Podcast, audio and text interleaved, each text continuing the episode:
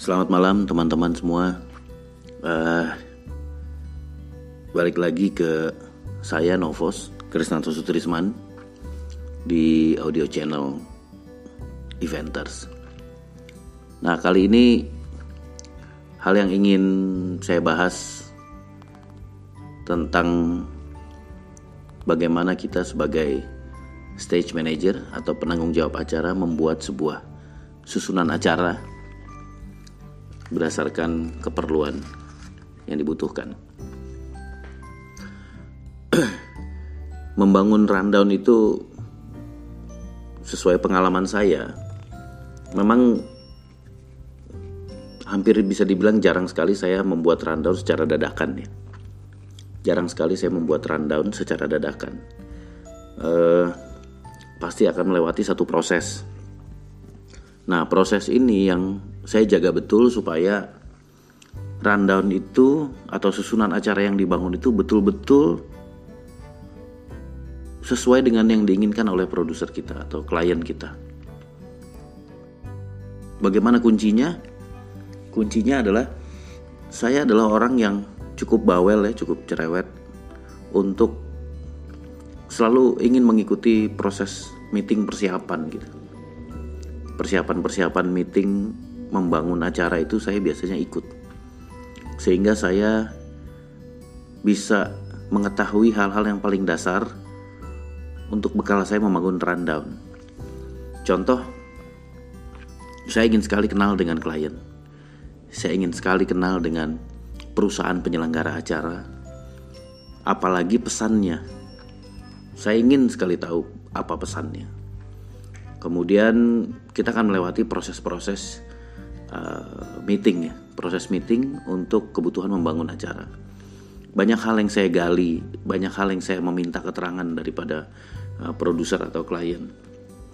Keterangan-keterangan ini akan mendukung sekali nanti dalam saya menyusun acara tersebut. Salah satu juga yang uh, sering saya lakukan pada saat membangun sebuah susunan acara itu saya biasa menuangkan dulu semua ide susunan acara itu dalam bentuk sinopsis.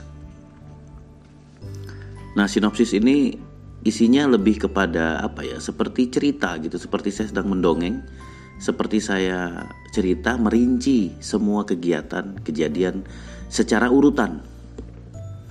Saya menjelaskan secara urutan. Nah, sinopsis ini adalah wadah saya untuk bisa mengajak orang-orang yang mendengarkan presentasi saya masuk ke dalam jalannya cerita. Jadi sinopsis ini saya akan ceritakan, saya akan jelaskan dulu kepada yang memerlukan sehingga mereka bisa bersama saya masuk di dalam cerita acara itu, cerita jalannya acara. Di situ secara rinci saya jelaskan apa yang akan dilakukan MC, bagaimana cara MC menyapa audiens, apa yang akan dilakukan pada saat proses makan malam, bagaimana nanti pimpinan perusahaan melakukan sambutan, dari mana dia berjalan, naik ke atas panggung berdiri di sebelah mana, itu semua saya munculkan dalam sinopsis. One by one saya bedah, one by one saya minta tanggapan, kritik, saran, dan pertanyaan dari klien. Di situ saya biasanya juga harus atraktif menjelaskannya untuk membantu menjelaskan hal-hal teknis karena sulit menjelaskan hal teknis ini.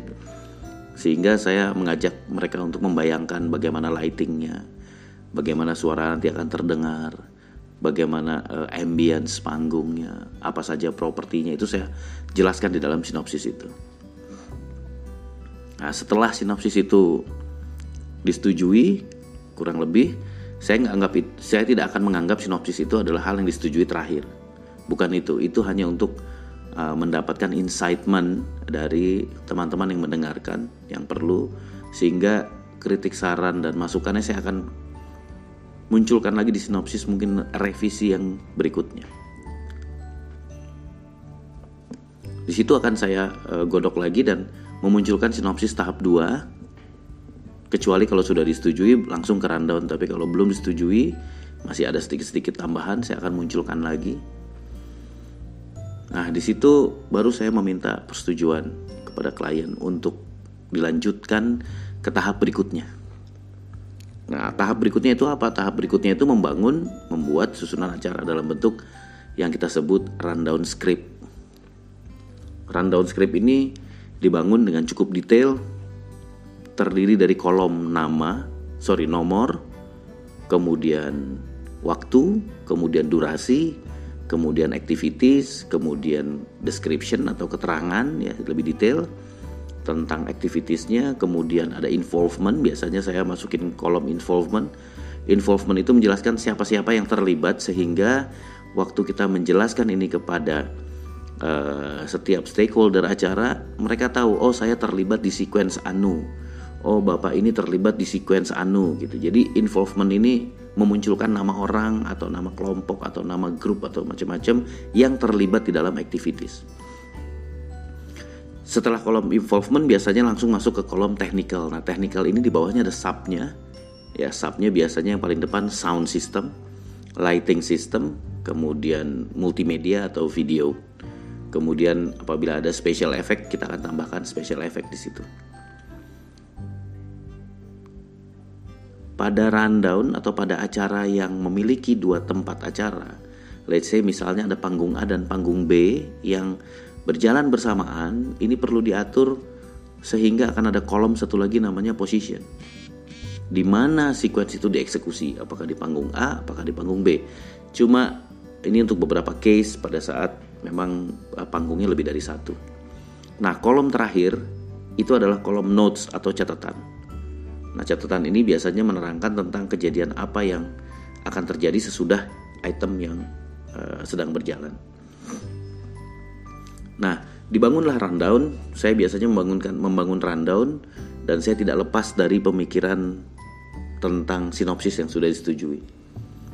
Nah, di sinilah saya munculkan lebih detail lagi bagaimana lighting akan berperan, bagaimana sound system akan berperan, saya munculkan lagi di situ durasi yang tepat dan seterusnya. Nah, untuk membangun sebuah rundown, hal-hal yang kita juga perlukan adalah kita harus mengetahui kontennya apa aja yang mau dimasukin sehingga kita bisa menyusun secara benar. Karena buat saya membangun sebuah rundown script acara adalah bahwa kita sedang membangun emosi penonton. Jadi rundown itu bukan hanya dibuat mengalir begitu saja, tapi kita bayangkan apa yang akan ditangkap oleh penonton. That's why kenapa banyak orang bilang bahwa apabila kita menjadi pemimpin yang menjalankan acara atau stage manager, kita harus menempatkan diri menjadi seorang penonton. Dengan begitu kita lebih peka lagi, kita akan lebih sensitif. Apa sih yang diharapin sama orang ya sama penonton waktu mereka masuk ke area acara kita? Itu penting sekali kita pikirkan. Sehingga yang akan kita bangun itu juga hal yang akan kita nikmati. Jadi membangun rundown adalah membangun emosi penonton berkaitan dengan pesan dari produser apa sih sebenarnya akan disampaikan di dalam balutan acara ini Nah, itu adalah hal yang harus dikombin dengan susunan acara, dengan membayangkan kita sebagai penonton dan pesan yang akan disampaikan. Karena begitu berbicara pesan ada ada elemen-elemen lain yang berpengaruh dengan itu, yang akan mempengaruhi pesan itu sampai atau tidak. Contoh misalnya sebuah produk remaja, sebuah produk anak muda, tapi penontonnya yang nonton itu adalah orang tua, itu nggak akan masuk pesannya pesannya nggak akan sampai. Jadi memang untuk acara-acara yang eh, brand-brand atau produk-produk yang untuk remaja, memang yang nonton harus remaja, target audiens mereka. Gitu sesuai dengan strategi marketing mereka.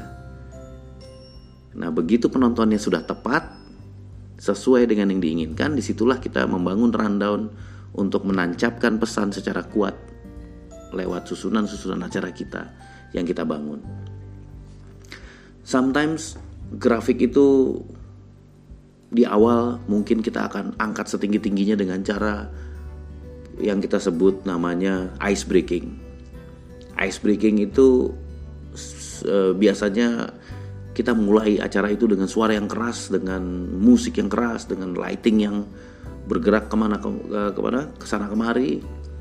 Dan biasanya acaranya kalau gelap atau malam atau di ruangan ballroom yang gelap itu akan lebih mudah membangun suasana itu. Kita bangun setinggi tingginya di awal, kemudian baru kita munculkan MC. Jadi fokus orang sudah dapat dari awal untuk menyaksikan panggung. Nah, pada saat orang fokus, opening sequence kita tidak boleh terlalu panjang. Cukup 3 menit, di mana uh, kurang lebih 3 menit adalah waktu orang sedang menikmati dan sedang mulai masuk ke dalam dirinya, ke dalam jiwanya, kita stop, kita berhentikan dan di situ MC muncul.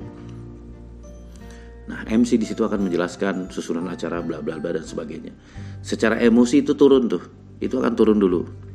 Kemudian baru kita bangun perlahan-lahan dari mulai MC, kemudian ada speech, kemudian ada uh, talk show, kemudian baru mulai ada band tapi bukan band utama. Nah, ini grafiknya mulai naik, grafik naik naik naik naik. Kemudian boleh kita turunkan lagi boleh, misalnya ada sebuah presentasi lagi, ada penarikan door prize misalnya atau ada sambutan kepada tamu khusus misalnya. Nah, terakhir tugas terakhir adalah membuat rundown itu sampai di puncak yang kita sebut klimaks. Nah, sampai di puncak klimaks, di situ kita harus maintain, tidak boleh itu drop sampai di ujung. Sebuah acara yang kita bangun dengan memikirkan emosi penonton biasanya akan memiliki grafik yang ujungnya nanti akan menarik. Apabila emosi ini berhasil kita bangun, susunan acara rapih yang rapih yang bisa kita bangun ini berhasil, ini akan menimbulkan kesan. Akan menimbulkan kesan bagi penonton. Nah, kesan ini yang orang bilang sebuah acara itu harus memorable. Nah, inilah kesan yang ditangkap. Nah, pada saat ini kes pada saat kesan ini ditangkap, dibawa pulang ke rumah masing-masing oleh penonton, di situlah tertancap juga pesan dari sponsor atau produsen atau klien atau penyelenggara acara kita. Ini berlaku untuk segala macam bentuk rundown di segala macam acara. Jadi bangunlah, belajarlah, bangunlah rundown dari hal-hal yang sederhana seperti acara ulang tahun, acara peresmian gedung, acara serah terima jabatan. Terus kita bangun sampai acara itu rumit. Sampai acara itu complicated dengan uh, puluhan mungkin ratusan konten bisa kita bangun. Jadi seperti itu ya. Tipsnya jangan lupa kalau kita membangun rundown, bayangkan bahwa kita adalah penonton dan uh, hal yang mendasar adalah pada saat kita membangun rundown, kita sedang membangun emosi penonton. Gitu ya. Selamat bekerja, selamat membuat rundown yang keren. Bye.